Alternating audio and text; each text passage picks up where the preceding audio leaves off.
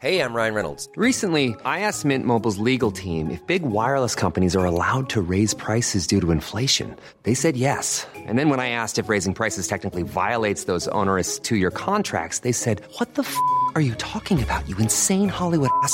F- So to recap, we're cutting the price of Mint Unlimited from $30 a month to just $15 a month. Give it a try at mintmobile.com slash switch. $45 upfront for three months plus taxes and fees. Promo rate for new customers for limited time. Unlimited more than 40 gigabytes per month. Slows. Full terms at mintmobile.com. Everyone knows therapy is great for solving problems, but getting therapy has its own problems too, like finding the right therapist, fitting into their schedule, and of course, the cost. Well, BetterHelp can solve those problems. It's totally online and built around your schedule. It's surprisingly affordable too. Connect with a credentialed therapist by phone, video, or online chat, all from the comfort of your home. Visit betterhelp.com to learn more and save 10% on your first month. That's BetterHelp, H E L P. There's never been a faster or easier way to start your weight loss journey than with PlushCare. PlushCare accepts most insurance plans and gives you online access to board-certified physicians who can prescribe FDA-approved weight loss medications like Wigovi and Zepbound for those who qualify. Take charge of your health and speak with a board-certified physician about a weight loss plan that's right for you. Get started today at plushcare.com slash weight loss. That's plushcare.com slash weight loss. plushcare.com slash weight loss.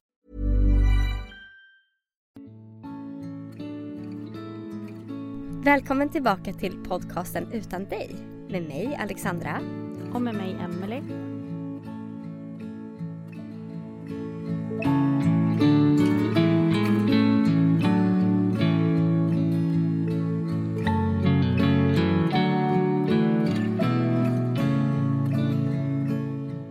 Idag har vi med oss Siris mamma Felicia. Välkommen! Tack. Vi ska väl börja med att säga att vi har med dig via länk. Och eh, då kan det ju vara så att ljudnivån blir lite sämre än om du hade varit här hos oss. Men det brukar funka bra. Du är ju med i våran podd för att du också har förlorat ett barn. Ja. Och det är Siri som gick bort sommaren 2020. Mm. Och det är det du ska få berätta mer om för oss idag. ja. Min, eh, min man och Siri och vår lilla son Charlie hade varit och tvättat bilen och varit hos farmor då och, och lekt och fikat. Och Siri hade lekt med en kompis som hon precis hade skaffat som var där. Och de tvättade färdigt bilen och, och sen skulle de åka hem då för min dotter Julie var hemma eh, efter gymnastiken så de skulle åka hem och satte sig i bilen och eh, kom ut på vägen och, och körde en stund. Och Siri satt och dansade. Hon fick eh, välja låtar och så här och det brukade hon inte få göra. Hon, det är första gången Siri satt fram i bilen också. Hon hade tjatat eh, jättelänge på sin pappa och sagt liksom att kan jag inte få åka fram och de andra får alltid åka fram och, och jag vill ju sitta där framme med dig och, um, och till sist så sa min man bara ja ja vi ska ju bara hem. Så de åkte och Siri var ju jätteglad och nöjd över det. Och sen så så säger min man till Siri nu får du hjälpa pappa och kolla efter älgar för det är en väldigt farlig väg.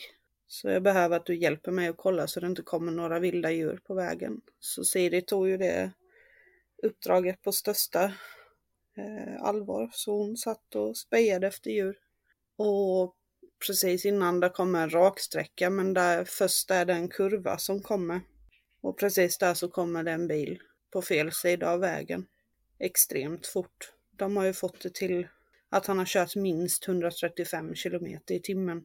Och det är ju en 70-väg liksom. Min man hinner ju knappt och, och ens uppfatta bilen för den kommer ju så fort liksom. Så han girar allt vad han har till vänster liksom. Eh, för det var ju enda, hade han girat till höger så hade det varit massa stenar och så här. Så han girar ju allt vad han kan under den sekunden liksom till, till vänster. Men de krockar ändå. Och Siri dog direkt i smällen. Och sen visade det sig att det var en eh, rattfyllerist som körde ihjäl henne. Ja, min man var ju medvetande, alltså så vid medvetande hela, hela tiden. Så han såg ju och uppfattade allting vad som hände. Och Charlie då, vår lille son, han sov där bak i bilen i sin bilbarnstol. Så han vaknade ju av smällen liksom. Och han skrek ju direkt. Men när min man kollar åt höger och, och sådär så, så ser han ju att hon är redan borta. Men han försöker ändå och gör hjärt-lungräddning på henne och försöker få loss henne ur med bältet och med stolen men hon sitter ju liksom typ fast. Så det gick inte att få ut henne. Eh, och han springer ut ifrån bilen och försöker slita upp hennes dörr och försöker liksom få ut henne. Men det går inte. Och sen kommer det ju en person och hjälper honom att hämta ett järnspett och försöker få upp bildörren och de får ut Charlie. Och Charlie är ju okej, okay. han blöder ifrån örat och så har han, han har stora öron så när han sover så viker sig öronen. Så han har ju fått en sån brännskada typ på örat. Och han har ju, han är ju väldigt blåslagen men han är ju ändå okej. Okay.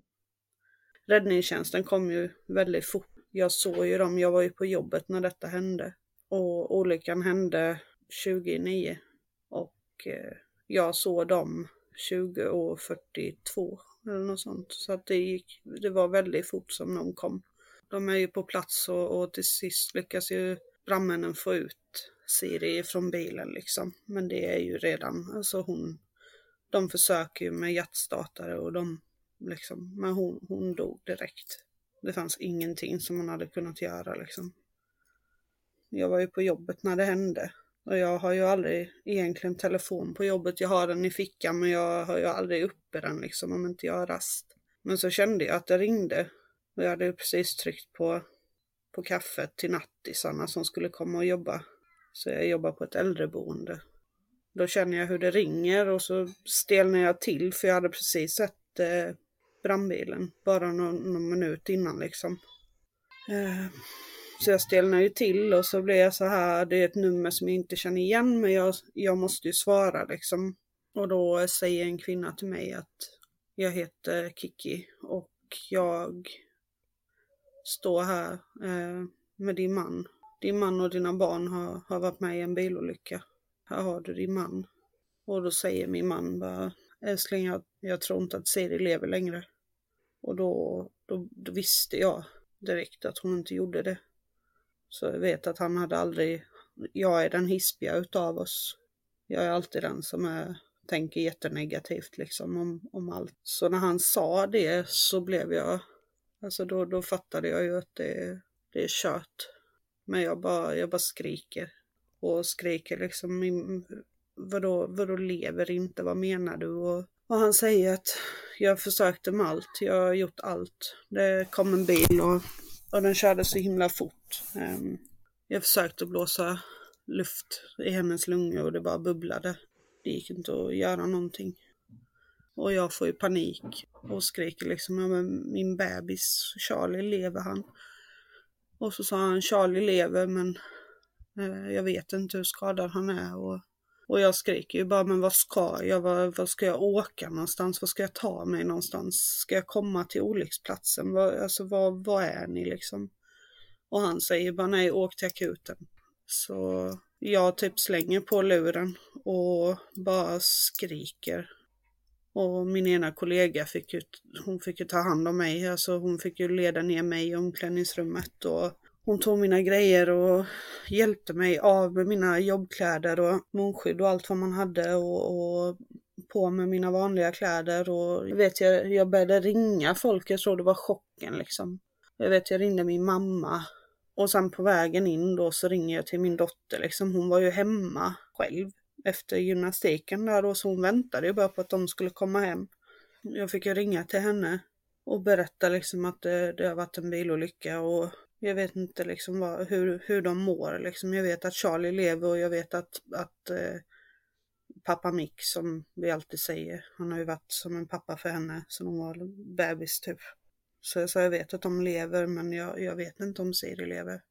Och hon får ju panik, Julie, då min dotter. Um, och jag får ringa över då en av mina närmsta vänner då, min granne, hon bor mitt emot oss. Och hon springer över till Julie och tar henne och Sen får jag ringa till Julis pappa mitt i chocken och bara skriker att du måste hämta, du måste hämta Juli.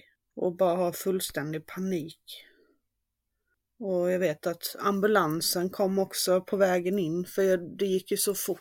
Jag stod ju på akuten. Olyckan hände 20 i 9 och jag fick samtalet no, två minuter i nio tror jag jag fick samtalet eller något sånt och jag var på akuten eh, 21 och 24 stod jag på akuten. Så det gick ju fort liksom och jag vet att det kom en ambulans och jag vet att jag tänkte att det är, det är något av mina barn som är i den ambulansen liksom. Eller min man då, så att då, jag tror det var min man som åkte med den. Så jag ringde, det var ju typ det jag gjorde, jag ringde runt till folk och lyckades få tag på min eh, stora syster och bara att hon ska komma till akuten liksom. Hon bor vanligtvis i Göteborg men eh, så var hon nere på en begravning eh, just den dagen. Så hon var ju i Halmstad. Så hon kommer till akuten och min svärmor också. Och då har hon ju varit på olycksplatsen och hon vet ju att det, det antagligen är kört med Siri liksom. Och jag vet bara att jag, jag ville bara se mina barn. Så jag, ja, jag stod där 21 och 24 på akuten och bara väntade liksom på, på besked. Um, och så såg jag ju att det kom en präst också utanför. Och då skrek jag ju typ till min syster att jag vet ju, där kommer ju en präst liksom, att jag vet att hon, jag vet att hon inte lever. Jag, jag är helt säker på att hon inte lever för de har inte skickat en präst. Eh, om, om Siri hade levt liksom, de hade inte skickat så här, alltså det hade inte kommit en präst som ska prata med oss. Och, eh, typ, jag, jag var ju nästan, jag blev nästan arg liksom i chocken över att det kändes som alla andra visste liksom att, att hon var död, men förutom jag då. Och, och de fortsatte liksom att, ja men nej men de körde ju med blåljus eh, liksom och, och det, det, det, finns ju hopp liksom och mirakel sker och så. Det, det, vi måste liksom försöka tänka att det, det, det kan gå bra liksom. Men jag kände ju redan där och då liksom att hon lever inte liksom. Det var någonting som bara sa inom mig liksom att jag, jag vet att hon inte lever. Fick du vara ute i någon korridor då och vänta medan de andra tre de tog, först tog de in mig då på, eh, jag fick ett sånt här anhörigrum tror jag det är eller något sånt.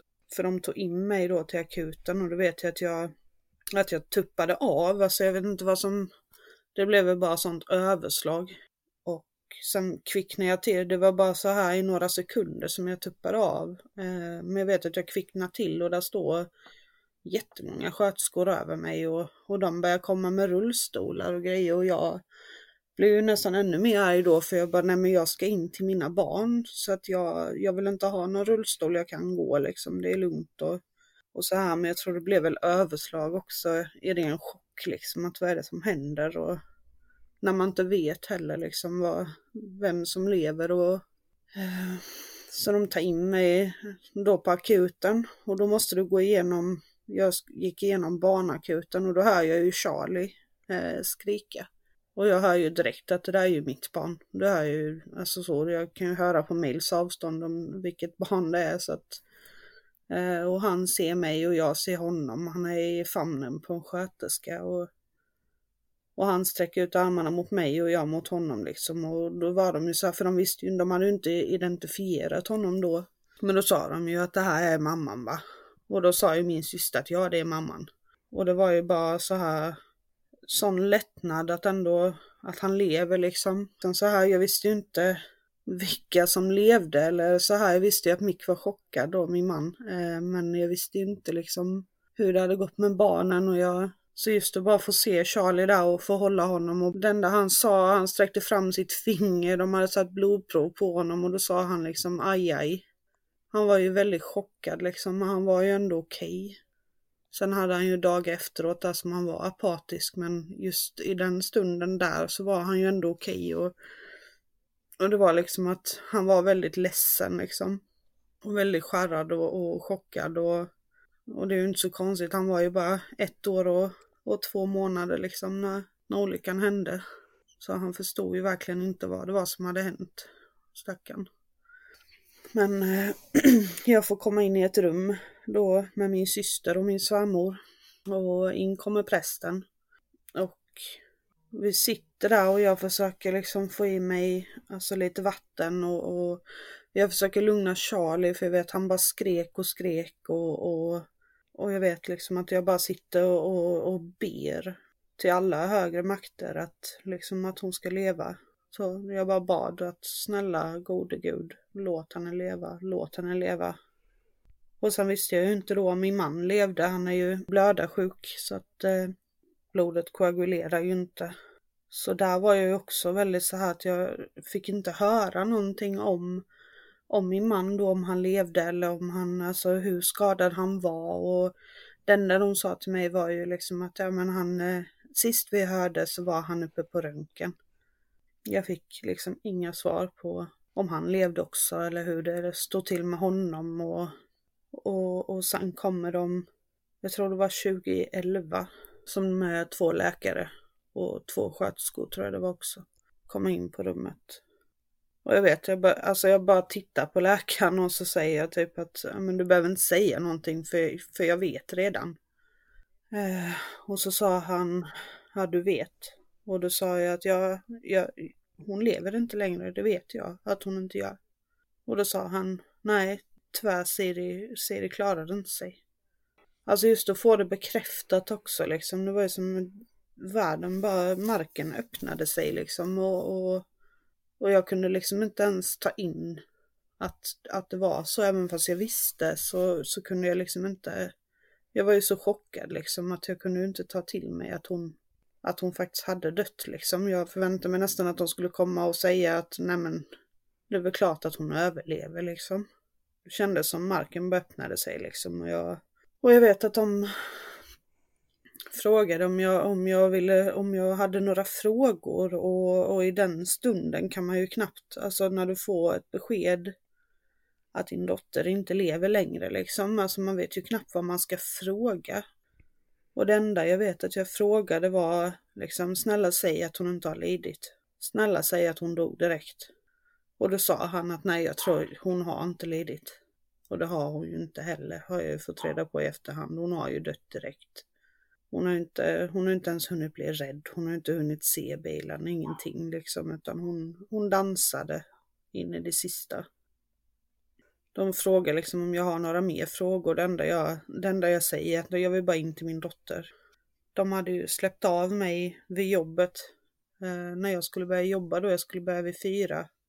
Först pussade jag Charlie och sen pussade jag min man och sen gick jag då bak till Siri eh, och så gav jag henne en puss. Och så fick jag en sån lång kram eh, och hon släppte liksom inte. Hon var, hon var så ledsen och det var inte likt henne för hon var aldrig ledsen. Hon älskade att vara med sin pappa liksom och, hon var inte så... Hon var ju mammig också men hon var ju ändå väldigt mycket pappas flicka med. Och hon, jag har aldrig upplevt att hon har haft någon separationsångest men just i den stunden så hade hon det. Och då vet jag att jag sa bara men, men Siri jag, jag lovar jag kommer att pussa på dig ikväll när jag har slutat jobba. Mamma kommer ikväll och pussar på dig, jag lovar. Och jag vet att jag, när de körde iväg så stod jag och jag stod och vinkade och gjorde slängpussar till henne. Och redan där hade jag en dålig känsla i magen liksom. Men jag kunde ju inte, jag visste ju inte vad det handlade om liksom. Jag förstod inte varför jag hade den här olustkänslan och orolig och det förstår jag ju nu. Och sen eh, på akuten då så, så var det ju bara att jag ville bara in till Siri för jag hade ju lovat att, att jag skulle pussa på henne. Och jag är extrem med att man håller vad man lovar. Och det vet ju mina barn liksom, det har de ju alltid. Har jag sagt att jag lovar så gör jag det oavsett. Så jag får ju gå in där till Siri. Jag vet ju knappt hur min syster liksom, alltså jag vet att hon fick, hon tog Charlie för jag vet att jag, liksom jag kunde ju knappt bära mina e- egna ben liksom. Men jag vet, det enda jag ville var bara in till Siri och få se henne och, och jag vet, jag hade inte ens frågat om skador eller någonting utan jag, jag bara, nej jag måste in till Siri, jag måste få se henne. Så jag går in där i rummet och ser henne ligga där. Det är ju den bilden som, som jag fortfarande liksom vaknar av på nätterna och alltså hon var ju inte skadad på det sättet liksom. Hon var ju inte kroppligt, alltså kroppsligt eh, skadad så. Hon hade en blåklocka, hon hade lite, lite sår liksom på ena sidan av ansiktet. Men det, det är just den synen av att där ligger ditt döda barn och du ser liksom att det är bara skalet kvar. Själen är ju inte där liksom. Utan det är verkligen bara ett skal. Jag fick ju inte lyfta henne och, och så här heller i och med att det var ett brott som hade begåtts, att han var rattfull. Eh, han som körde den andra bilen. Så jag fick ju inte lyfta henne eller så här. Jag vet, jag fick liksom hålla liksom lite på sidan av ansiktet liksom så. Och jag fick hålla hennes hand och jag vet att jag pussade massa på hennes kind och så här. Men jag fick ju inte liksom ha henne i famnen eller någonting så här hålla om henne på det sättet som jag behövde egentligen.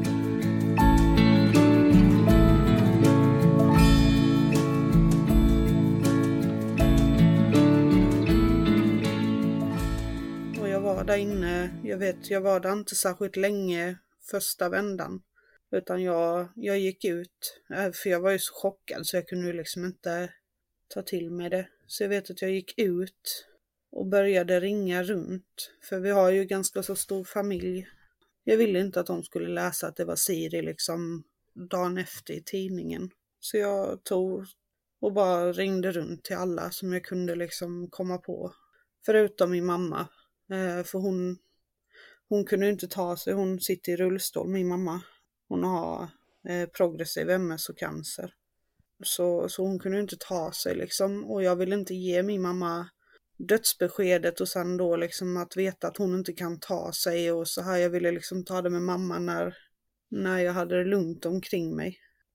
Men jag vet att jag ringer liksom till, till mina syskon. Jag vet att jag ringer till min mans eh, biologiska pappa då och, och till hans bröder och jag ringer till alla liksom och berättar. Helt iskall också var jag ju, för jag var ju så chockad så jag, så jag sa bara att Siri klarade inte sig efteråt så har det ju varit liksom när jag har frågat, för jag har ju glömt väldigt mycket, eller så här alla samtalen jag har gjort och så här. Men jag vet att de sa att det lät inte ens som, som jag liksom, utan jag var så iskall och kunde liksom inte, det var inga känslor i, i min röst liksom, eller så här, utan bara helt rätt upp och ner liksom. Och det tog ju ändå väldigt lång tid innan jag fick reda på att, att min man levde liksom. Jag vet att jag bara yrade omkring och tänkte liksom att herregud, tänk om jag måste begrava dem båda två. Och, och eh, jag var inne och Siri i flera, flera vändor eller så här. Jag vet jag, alla, även ifall det är corona nu då så har de, de var väldigt, väldigt eh, snälla. De som jobbade på akuten och så här, de släppte liksom in familjen och, och Siri var ju så och är så otroligt liksom älskad utav så många. De ville ju komma och få säga hejdå till henne för jag sa liksom att jag vill ni komma hit liksom eh, och se henne så att eh, då får ni, då får du komma nu liksom. Så jag vet att mina syskon då, min mans syskon och, och så här kom, kom dit. Och min pappa kom också, han satte sig i bilen och körde. Så det, ja, det var riktigt, riktigt, riktigt eh, tufft. Och alltså inte kunna ta till sig heller vad det är som händer egentligen. Liksom. Det är ju först efter flera månader som jag kunde liksom inse vad det är som egentligen har hänt. Man förstår ju inte liksom. Eh, det är knappt att jag fortfarande kan greppa att, jag, att hon inte kommer hem liksom. Det här är ju liksom en helt annan grej än vad vi har erfarenhet om. Mm. Just den här chocken, att det är en olyckshändelse och går så snabbt. Har du liksom eh, tänkt mycket så här om vi hade gjort på något annat sätt? Ja, alltså det var ju det. Jag fick ju ändå frågan om inte jag skulle vara hemma ifrån jobbet. Eh, för de hade ju ordnat en ersättare till mig. Eh, men sen var det så här första dagen på nya schemat på jobbet och jag, jag ville bara visa framfötterna lite också. Så jag sa, nej men jag tar det, jag tar det. Och det är klart nu i efterhand liksom att jag tänker att men gud varför stannade jag inte hemma? Varför, varför var det inte jag som satt där? Hade det bara varit jag liksom. Jag hade gjort det utan att tveka liksom och byta plats. Och varför kissade Siri inte lite längre som hon gjorde Mm. liksom när hon var hos farmor och farfar eller varför, varför åkte de just då? Och, Det jag tänker på det är just att det måste vara så jobbigt att tänka så. De här tänk om-tankarna liksom. Ja, verkligen. Och jag tänker mycket på typ hur din man känner. Har ni kunnat prata mycket om det här tillsammans? jo men det har vi. Han hade ju gjort allt min man liksom får att slippa alltså för, för att få byta plats med henne. Det är som sagt smällen som Siri har dött utav. Var det hela högra sidan av bilen? Ja alltså det var ingenting, det är ju ingenting kvar av den. Det var ju, Så eran son satt på vänster, alltså bakom förarsätet då? Nej han satt bakom Siri. Nej, han satt det bara. Så han hade ju verkligen änglavakt, alltså det... Hela hans dörr var ju intryck, alltså det var ju... Jag kan fortfarande vissa stunder så här när man ser honom nu och man bara herregud liksom att han har... Min lille pojk liksom att han, gud vad han har varit igenom och... och och tänk att han har överlevt och, och för jag var ju ändå så här men herregud, jag tror jag, han har varit på fem läkarbesök tror jag, sådana riktiga och kolla igenom honom liksom efter. Eh, För jag är så himla orolig liksom att, det- att det ska ha hänt någonting efter olyckan men nej, han hade blåmärken.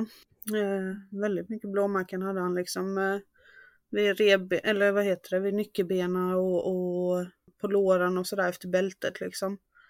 Och sen hade han ju sår då på örat och han hade något till blåmärke på ryggen och så här men det var liksom han har verkligen haft änglavakt alltså. Hela dörren var ju intryckt. Det har ju missat honom med någon centimeter alltså. Man är ju tacksam mitt i, i sorgen liksom att det hade lika gärna kunnat vara de alla tre och Ja. jag var ju helt säker på att, att min man inte levde fram tills då att de sa att han, att han hade överlevt liksom. Hur lång tid tog det innan ni fick veta det? Eller du fick veta det? Eh, jag, tror, jag tror den var typ halv två på natten. Eh, då, och jag fick ju beskedet att Siri hade, hade dött 2011. Så, så det var ju några timmar där liksom som, som jag inte visste.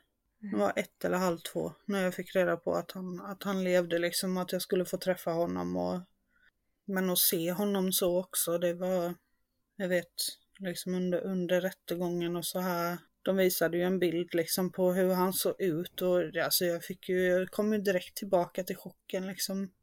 Han var ju, han var ju väldigt, alltså han var ju väldigt blodig och väldigt alltså skadad och jack vid ögat och, och jag vet alltså när jag hjälpte honom dagen efter att duscha för han vägrade att någon annan skulle göra det. Och jag vet när jag skulle skölja ur hans hår och det bara, alltså det var så mycket glas i hans hår och, och det satt liksom i nacken, satt det små glassplitter liksom och nej, det var så, det var så sjukt och han var så blåslagen. Och han hade, alltså det var så fruktansvärt att se honom liksom i det, i det skicket liksom och, och just hans, han mådde ju så dåligt liksom psykiskt också liksom. Och att han låg där själv och fick beskedet också liksom. Han hade ju inte oss där eh, när han fick beskedet. Och det fick han ju bara en stund innan vi kom in. Så det har varit riktigt, riktigt tufft för honom. Du nämnde ju där förut att eh, du inte fick plocka upp eh, Siri. Eh, för att det här var ju en brottsut, eh, brottsutredning. Ja. Visste man redan på en gång att han körde onyktert? Eh, ja, Mick sa ju då, min man sa ju direkt liksom att han lägger på fel sida av vägen och, och han har kört så fort och jag vet att han var uppe och gick också. Och antagligen så har de väl märkt liksom att han, de tog ju på min man också eh, och kollade. Eh, men han hade ju ingenting. Men eh, det, jag tror det går, alltså jag tror det är av ren sån här, att de bara gör det av ren rutin. När det är, alltså med trafikolycka och så här. De visste ju då att hon hade liksom, att det var, att han hade varit rattfull liksom. Men jag fick ju till sist hålla henne när jag klädde henne liksom. Så det har jag ju fått göra. Och det var nog bra kanske att jag inte gjorde det just där och då i chocken liksom. Utan att jag fick processa det i några dagar innan jag, när hon var färdig på obduktionen så fick jag ju, då fick jag ju hålla henne mycket jag ville och ha henne i famnen och sådär. För hur var det sen? För ni var på sjukhuset där och sen när fick ni åka hem därifrån? På söndagen. Olyckan hände ju på en torsdag då, den 27 augusti. Och vi åkte hem på söndagen. Jag vet vår, vår, min svärmor körde oss hem liksom och bara att sätta sig i en bil och alltså jag på sjukhuset är du ju ändå i din bubbla på ett helt annat sätt liksom eller så här och jag kunde liksom jag fick hjälp med Charlie för han var ju, usch, det var så, han var så, han bara skrek och skrek och skrek och var helt eh, apatisk liksom. Och det, på lördag kväll så ställde jag mig i duschen med honom liksom, för det har jag gjort Alltså när han var bebis så hade jag alltid honom så i duschen liksom hud mot hud och så stod vi alltid tillsammans liksom och duschade. Och då fick jag sån här, bara, men jag provar att ställa mig i duschen med honom. Och då var det som att han liksom slappnade av för första gången på flera dagar där då. Och det var ju som att vända på en hand liksom. Alltså han blev ju kolugn nästan direkt. Och det typ var som en helt annan unge där dagen efter där på söndagen då när vi skulle åka hem så var han ju då var han ju mycket lugnare och mycket så han höll inte på att skrika så, så han var inte apatisk på det sättet. För jag kunde ju knappt gå ur rummet innan dess. Jag kunde ju liksom inte göra någonting och då bara skrek han och skulle liksom, han satt ju fast i mig liksom. Och i det läget, ja, jag ville ha honom nära men samtidigt så var jag ju själv i chock också. Det kändes som att jag knappt alltså, kunde andas ju. Så det var riktigt jobbigt och, och, min man kunde ju inte ta honom för han var ju väldigt, alltså han var ju skadad liksom. Eh, så han fick ju inte hålla på och lyfta honom eller så här. Det var skönt att jag hade sjuksköterskorna i det liksom att de ändå kunde så att jag fick några minuter liksom och få gå på toa och, och när jag väl där på lördagen när jag duschade första gången liksom eller så här att de ändå hjälpte mig att tog Charlie och så att jag ändå fick några minuter sådär för mig själv liksom och, och försöka samla lite energi till att orka vara mamma åt honom liksom. Men vi, vi kom ju hem i alla fall på söndagen. Det hände ju så mycket på sjukhuset liksom, eller så här och vi, alltså vi fick se Siri igen i stillarummet och, och det var ju första gången min man såg Siri också efter, efter olyckan och, och barnen då, hennes syskon liksom fick ju se henne. Eh, och de fick ju också beskedet då på fredagen. Så att det var så mycket som hände liksom där så att man var ju helt, alltså man var ju helt slut när man kom hem. Det var riktigt tufft liksom att åka därifrån för du liksom, du åker ju hem utan Siri liksom. Och när vi kom hem så var det ju, alltså det var ju så tomt och, och alla hennes grejer liksom var kvar och grannarna hade ställt in alla blombud och så här som hade kommit och det var ju, alltså det var ju hundratals blommor. Det kom ju blommor varje dag där första veckan liksom efteråt så var det ju varje dag som det kom blombud liksom. Och man visste ju knappt vad man skulle göra heller liksom i det här. Alltså man, man visste inte hur man skulle bete sig eller göra eller... Jag vet min syster då sov hos oss hela, hela första veckan nästan där.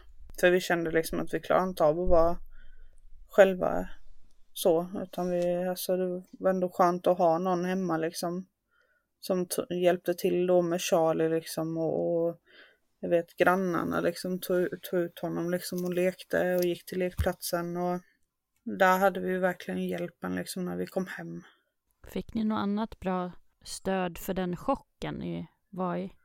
Alltså jag fick ju direkt då, eh, min man också för den delen, men då när vi var på sjukhuset så var det ju en diakon. Och hon och jag vi klickade ändå väldigt bra. Hon var med mig första gången när jag såg Siri på lördagsmorgonen tror jag det var. Som jag såg Siri första gången då efter akuten där. Barnen kom ju den dagen också och fick se henne liksom.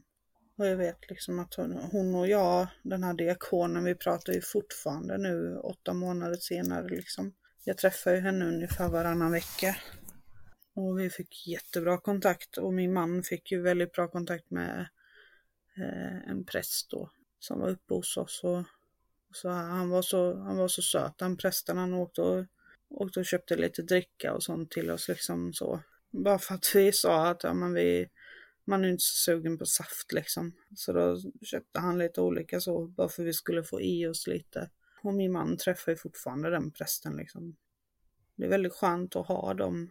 Hon, eh, då diakonen var ju med, har ju varit med mig liksom på alla steg med det här med att se Siri första gången efter akuten liksom och, och förberedde, när, man, när vi berättade för barnen liksom så var hon med och när de skulle träffa henne första gången så var hon med och när min man fick se henne första gången så, så var hon också med och hon var ju med på begravningen och hon var med när jag klädde Siri och så där känner jag att jag har fått, alltså just hennes stöd i det hela liksom har varit guld värt.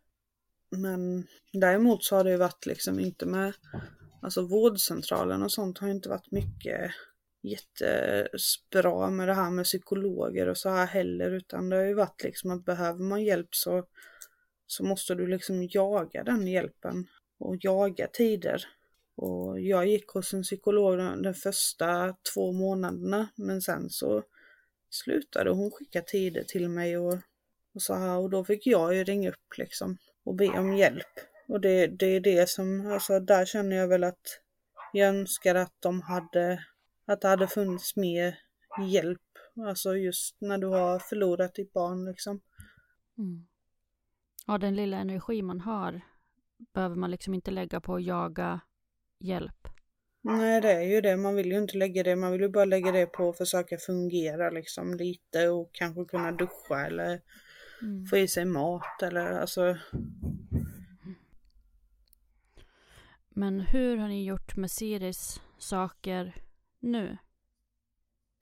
Eh, vi, ja nu, de är, hon har en hel del kvar i sitt gamla rum eller så här. Hon har, och det är ju saker som Charlie kommer kunna leka med sen. Men just hennes kläder och så här, jag vet jag, jag tog en helg, min man och, och, min, och barnen då åkte iväg eh, till min mans bror och så här över helgen eh, i september, då en månad efter olyckan.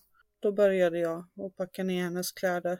Just för jag ville ju vara själv också när jag gjorde det. Alltså det, det, det var riktigt tufft. Men de står i lådor i tvättstugan. Ja, vi har ju inte gjort oss av med det. Och, och det finns ju saker kanske som Charlie vill ha och sen då som den lilla som är i magen liksom att hon kanske vill ha. Och, men eh, hennes favoritsaker och allting är ju här inne där jag sitter nu i sovrummet.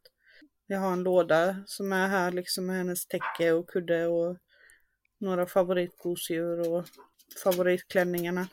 Och tandborstarna står i tandborstskåpet liksom. Alltså jag har inte kunnat slänga någonting heller liksom eller så här utan vi har bara Det är i lådor i tvättstugan och, och det får vara så tills vi tills mm. vi vet liksom vad vi ska göra med allting. Ja, jag tycker inte att man ska behöva stressa fram någonting heller.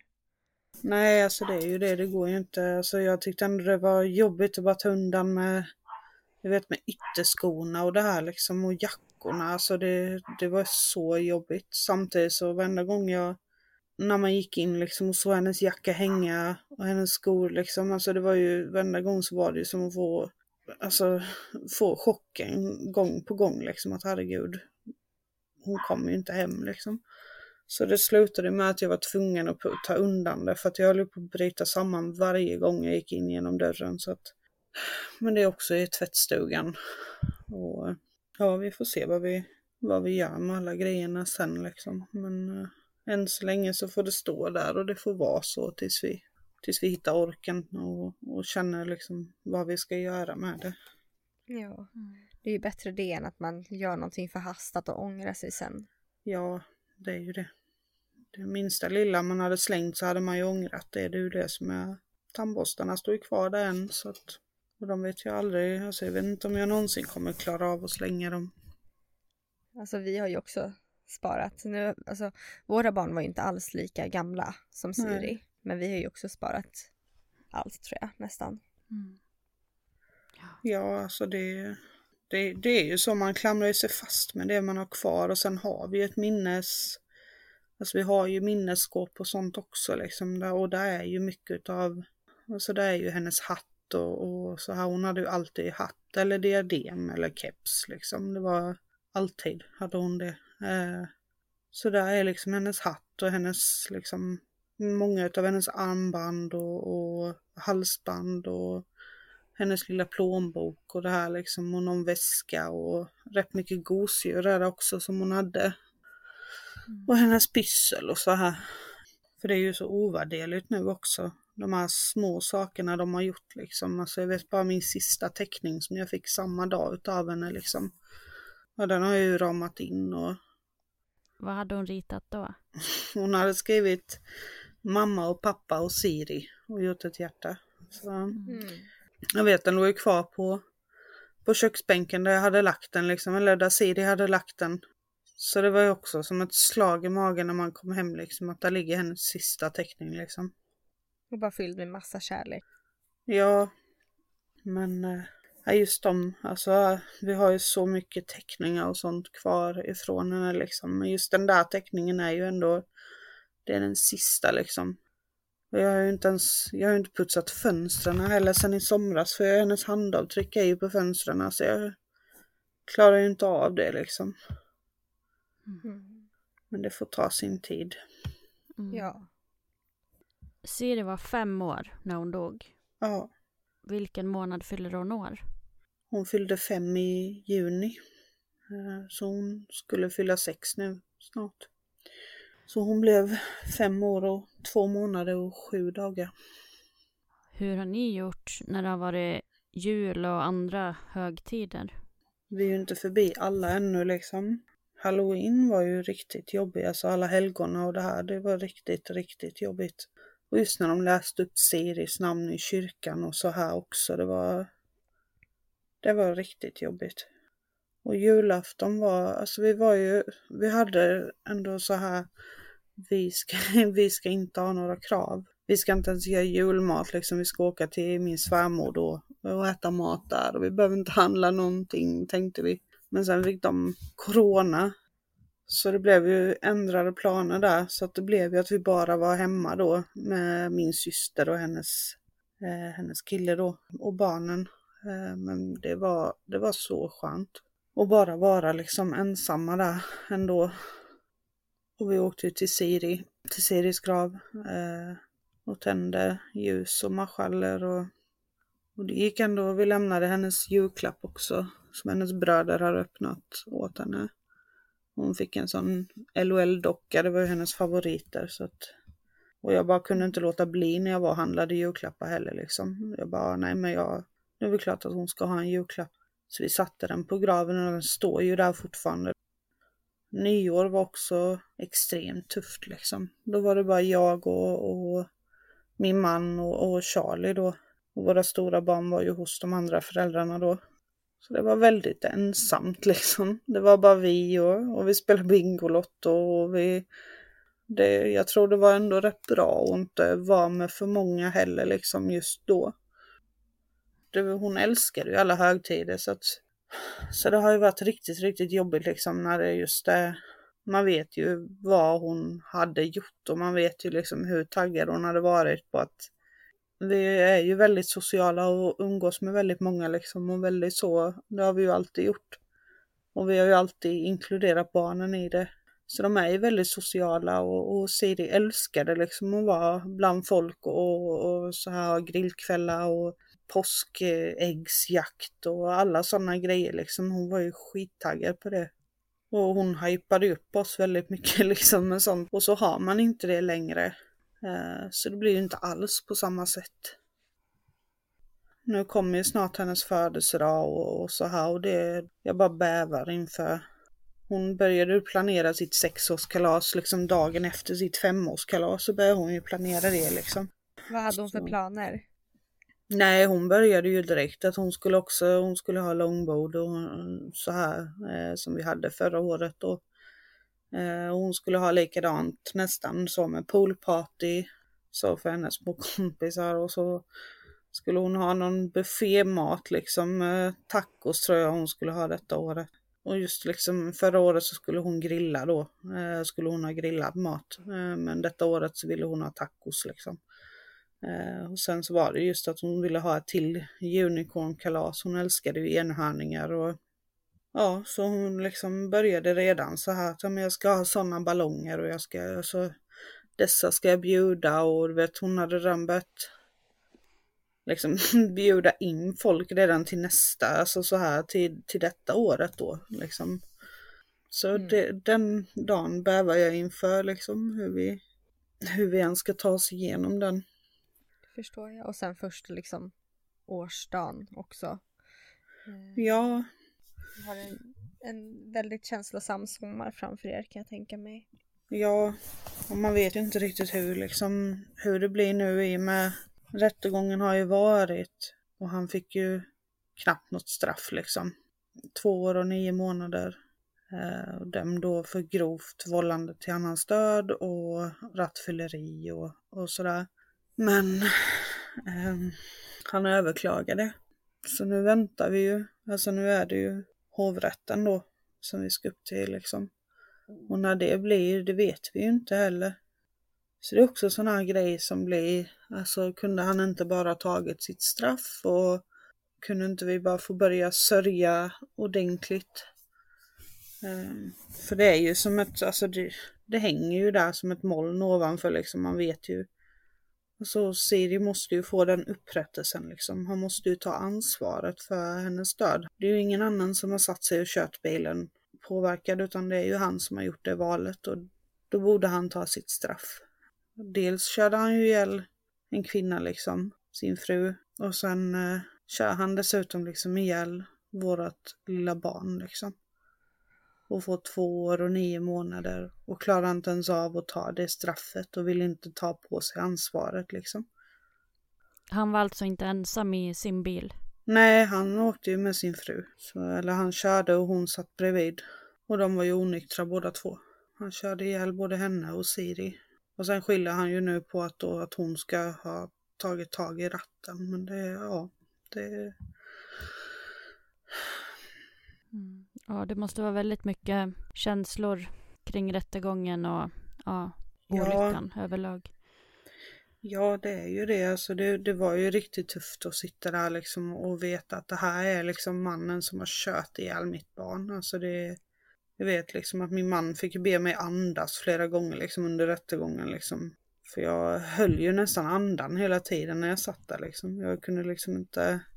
Jag tänkte att jag var, jag var så rädd att jag skulle bli förbannad eller att jag skulle börja skrika eller så här men jag, jag lyckades ju ändå hålla mig sansad. Och vi hade ju, alltså de respekterade Siris integritet och, och så här.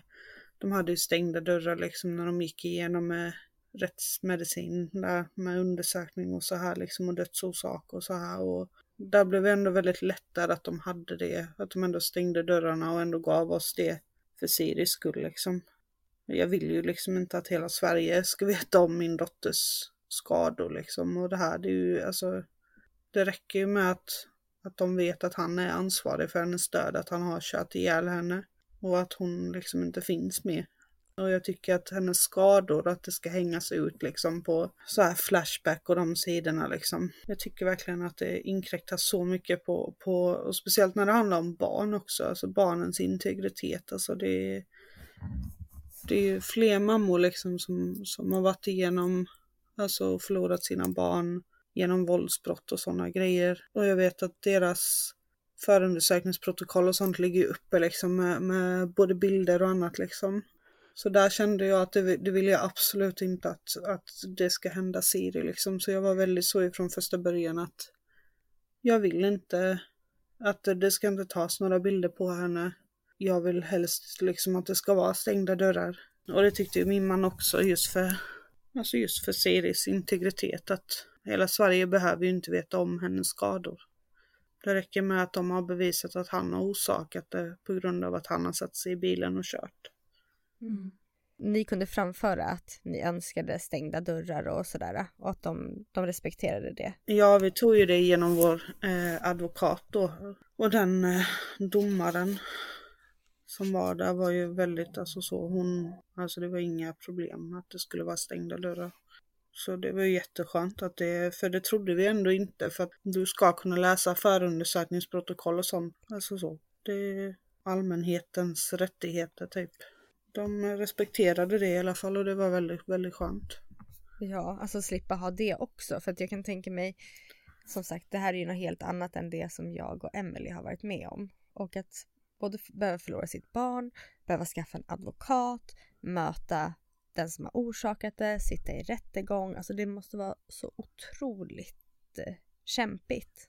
Ja, det är ju det och så just det här liksom när det kommer en överklagan om man alltså hade hoppats på att bara få, få landa i sorgen. Då blir det ju riktigt, alltså riktigt, riktigt jobbigt liksom när man måste gå och vänta en gång till och, och på hur det blir och om det blir ändrad dom eller hur det kommer bli. Men mm. vi får ju bara vänta och se vad de, vad hovrätten anser liksom.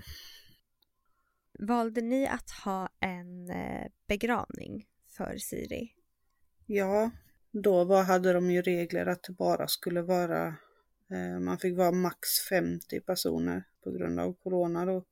Vi hade begravning eh, och Ellas hjältar kom in liksom i, i, i, bilden då också och hjälpte oss liksom med, med begravning och så här. Och det blev en jätte, jättefin begravning med massa liksom musik som Siri älskade och ballonger och enhörningar och, och klistermärken satte alla, alla som gick upp till kistan och la blommor satte klistermärken på, på kistan. Så den var ju helt överfull med klistermärken. Men den var riktigt jobbigt att sitta liksom eh, när man har skrivit upp alla och, och du måste sitta och stryka liksom människor och säga och ringa och säga att nej tyvärr du kan inte komma på begravningen för att vi måste ta de närmsta närmsta först liksom. Och det var, det var riktigt jobbigt liksom just det här att, att de inte fick ta det sista hejdåt av henne liksom på begravningen eller så här. Att vi var tvungna att stryka. Men det blev en väldigt, väldigt fin begravning ändå. Kunde de ändå acceptera ert val? Ja, Eller, jo men alla har varit väldigt förstående med det. Man tar ju de som man vet att Siri hade en väldigt, väldigt nära relation med. Som Siri liksom träffade dagligen och, och om du är en långväga släkting så, så känner vi, alltså om, om man bara har träffat Siri någon enstaka gång, alltså nog för att hon gjorde väldigt mycket avtryck i människor. Men vi ville ju ändå att närmsta närmsta liksom eh, kretsen skulle få vara med. Men det blev en väldigt fin begravning och alltså när det var undsättning sen då så, så var det ju bara vi, alltså jag och min man och våra barn eh, och prästen. Och begravningsentreprenören och hon var ju också helt fantastisk och roddade liksom en begravning och sånt också. Och jag fick ju panik av tanken av att Siri låg där liksom. Så jag ville ju ha det ordnat så snabbt som möjligt. Så de, alltså just med obduktionen och så här. Jag vet att de, hon åkte på, ja efter, ja på torsdagen typ efter en vecka då. Efter olyckan liksom, knappt en vecka. Åkte hon till Göteborg liksom för att obduceras och sen kom hon tillbaka. Så jag klädde ju henne den 8 september och vi hade begravningen den 10 och hon undsattes den 18 september. Så det gick väldigt fort. Och jag hispade ju och ringde, alltså jag hade ju fullständig panik så de skyndade ju på liksom med, med krematoriet och så här också för jag, jag klarade inte av, alltså jag kunde inte sova och äh, jag vet att hon låg där liksom. Så jag fick ju alltså den paniken som jag hade då liksom. Så men de var, de var så snälla och så förstående och de tog ju Siri liksom på tisdag morgonen, det första de gjorde liksom klockan nio vet jag att hon kremerades liksom. Och jag är ju väldigt så, jag vill ju gärna ha koll och jag vill veta och även ifall det bara var skalet av Siri som var kvar så vill jag ju ändå veta liksom vad hon var och exakt liksom vad hon, liksom vad hon, vad de skulle göra och när hon skulle vara tillbaka och men det var väl ett sätt att försöka ha någon slags kontroll och få vara mamma liksom, även fast att hon inte levde längre liksom, men ändå få vara hennes mamma liksom. Och sen eh, blir det väl en slags överlevnad att man har koll, alltså att man blir lite, att man ska ha stenkoll på allting och, och så här. Eh. För det är typ någonting som man kan kontrollera. När allt annat rasar liksom så fick man ju bara försöka ta de där det som man kan kontrollera och göra något åt så kunde man göra det. Och det andra så det fick ju bara rasa. Nu när det inte är så mycket sådana saker kvar att hålla sig fast i och rodda. Har du någonting speciellt som du kan göra nu känner du? Liksom för att vara Siris mamma? Men det är väl mycket att jag pratar om henne och jag skriver om henne och jag, jag kommer ju alltid vara Siris mamma. Men det är väl mycket att vi, vi pratar om henne och vi inkluderar henne och barnen inkluderar henne liksom i allting. Och när det blir bara så här övermäktigt liksom och det bara allting liksom bara kommer över mig så jag har hennes tröja i en, i en plastpåse som jag har sparat liksom som jag i värsta fall liksom så när det, jag öppnar knappt den. Jag har öppnat den två gånger sedan olyckan men jag vet att det har varit de gångerna jag öppnat den här plastpåsen är när jag har varit riktigt, riktigt alltså ångestfylld och, och haft fullständig panik liksom. Men just att bara kunna ta den och bara känna hennes doft och dra in det i näsan liksom. Jag klippte ju en liten hårlock då när jag klädde henne. Den, den har jag ju liksom i minnesskåpet och ibland bara måste jag få ta på henne fysiskt liksom och då, då går jag och håller i den. Sen har jag sån här att jag vill att det ska vara tänt hos Siri liksom vid, vid gravplatsen. Och det är väl det jag liksom som mamma gör fortfarande liksom att jag, jag, jag vill att det ska vara tänt. Sen att det är liksom lite ledljus och så här men mm. jag vill att det ska vara tänt där i alla fall. Du berättade ju att Siri satt och dansade i bilen och hon fick välja låtar. Och sen så hade ni också några av hennes favoritlåtar på begravningen. Ja. Vilka låtar var det som hon gillade bäst? Den hon dansade till, den, vill jag, den har jag ju inte lyssnat på eh, sen dess liksom. Men däremot så hade vi Savage Love, det är en sån TikTok-låt. Eh, den som har gått på radion och det är ju. Eh, men hon var så stolt, för hon hade lärt sig den liksom, precis. Så jag dansade ju i, i, alltså i kyrkan så gjorde jag ju den dansen för henne liksom på begravningen. Och sen hade hon en säng av rosor med därin. Och sen hade hon en låt som hette eh, Rainbow Ballerina. Som hon alltid hade dansuppvisning till. Hon dansade alltid till den. Bänkade upp oss i soffan och skulle dansa ballett. Och sen hade jag ju, ja hon, vi hade spelningslistan liksom som är Sidis spelningslista hade vi igång under, i början av begravningen liksom och, och sen efteråt liksom de som ville vara kvar en stund och så. så vi, och på mottagningen efter det också liksom. Vad fint. Ja. Nu kommer vi att tänka på Siri när vi hör den där Savage Love nästa gång. ja, Ja, den är, ja, det var hennes bästa. Alltså. Hon hade precis lärt sig dansen så hon, hon älskar TikTok. Alltså det, hon ju vara som sin stora syster liksom. Så att eh, hon gjorde alltid de danserna med henne och, och, just den låten, alltså hon var så stolt för hon hade precis lärt sig den. Så jag kan tänka mig att hon tyckte nog att det var skitkul att jag stod och dansade den på hennes begravning liksom. Men jag kände mm. att jag var tvungen att ändå göra den liksom. Mm, då blev hon nog väldigt stolt. Ja, starkt också. Ja, jag blundade bara. Jag ställde mig upp och blundade och gjorde dansen bara och sen satte jag mig ner igen liksom. Men jag, jag ville ju göra någonting för henne som jag vet att hon hade älskat liksom. Mm. Mm. Hon har nog stenkoll och ser allt som ni gör nu. Ja, det tror jag också. Hon visste ju att det skulle komma en lilla syster så det hade hon ju stenkoll på. Även fast jag blev ju gravid två månader efter olyckan. Hon har pratat om en lilla syster innan alltså? Ja, två dagar innan, hon, innan olyckan så, så sa hon liksom att mamma vill du bli rik? Så sa jag, men jag har allting som jag behöver liksom, eh, jobb och tak över huvudet och mina barn och min man. Och så sa hon, ja men det enda som fattas nu det är en lilla syster som heter Alli. Och så sa jag, ja men det kommer inte hända, det får du nog fråga din pappa om. Och min man sa ju bara, det kommer inte på fråga, vi, det är så. Och då sa hon, ja det kommer visst, det kommer en lilla syster. Och sen så blev det så. Mm. så och när är lilla syster beräknad nu? Eh, vi sätts igång i början av juli.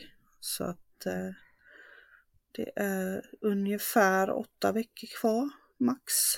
Det är ju, alltså det är ju så mycket delade känslor liksom att man, alltså jag jag är väldigt lyckligt lottad som, som, har, som får vara gravid igen liksom och som att Charlie klarade sig och att, att min man klarade sig liksom. Men samtidigt så varenda gång jag tänker så så tänker jag ju alltid liksom att men varför fick hon inte vara kvar? Mm. Men så vet jag ju också att hon hade ju velat att vi skulle liksom skratta och, och försöka må så bra vi bara kan liksom. Och jag tror att hon på något sätt har ett finger med i spelet med det här liksom. Att, att det kommer en lilla syster liksom. Det tror jag absolut att hon har. Mm. Så... Kommer lilla syster få heta Alli? Ja, det är ju Siri som, Siri hette ju Alli också liksom. Anna, Alli, Siri, Fanny hette hon. Men det var just det här att hon bara, nej men en lilla syster som heter Alli. Så att det var liksom, det var bara så självklart liksom. Och jag kunde, jag vet bara direkt när jag fick reda på att jag var gravid så tänkte jag, men det är en flicka. Jag bara vet att det är en flicka. Och sen tänkte jag, men det är, det är ju bara för att hon har sagt det, det är ju för att jag vill det. Men jag, det var bara så, jag bara kände på mig direkt att, att det var en lilla syster liksom. Eh, precis som hon ville. Mm. Så det känns ändå väldigt, väldigt fint att Siri, alltså hon bara visste och, och ändå han säga vad hon ville att hon skulle heta och, och ändå att hon får ett namn som också Siri har liksom. Mm. Det känns ändå väldigt fint även ifall man önskar ju att situationen vore annorlunda liksom. Hon kommer ju fattas oss för alltid liksom. Det är ju bara så. Vi kommer ju alltid ha ett barn för lite. Mm. Vi är väldigt glada att vi har fått höra om Siri. Ja, tack för mm. att jag fick berätta om henne.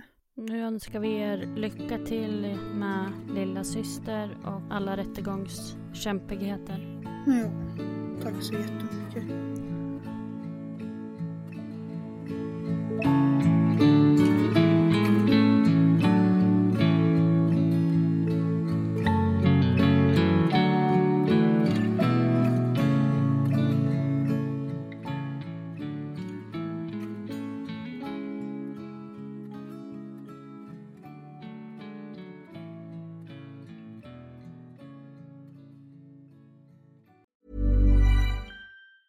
Even on a budget, quality is non-negotiable. That's why Quince is the place to score high-end essentials at 50 to 80% less than similar brands. Get your hands on buttery soft cashmere sweaters from just 60 bucks, Italian leather jackets, and so much more. And the best part about Quince, they exclusively partner with factories committed to safe, ethical, and responsible manufacturing. Elevate your style without the elevated price tag with Quince. Go to quince.com slash upgrade for free shipping and 365-day returns. Hi, I'm Daniel, founder of Pretty Litter. Did you know cats tend to hide symptoms of sickness and pain? I learned this the hard way after losing my cat, Gingy. So I created Pretty Litter, a health monitoring litter that helps detect early signs of illness by changing colors, saving you money and potentially your cat's life. Pretty Litter is veterinarian developed, and it's the easiest way to keep tabs on your fur baby's health right at home. Go to prettylitter.com and use code ACAST for 20% off your first order and a free cat toy. Terms and conditions apply. See site for details. Imagine the softest sheets you've ever felt. Now imagine them getting even softer over time. That's what you'll feel with Bowl and Branch's organic cotton sheets. In a recent customer survey, 96% replied that Bowl and Branch sheets get softer with every wash. Start getting your best night's sleep in these sheets that get softer and softer for years to come. Try their sheets with a 30-night guarantee. Plus, get 15% off your first order at bowlandbranch.com. Code BUTTERY. Exclusions apply. See site for details.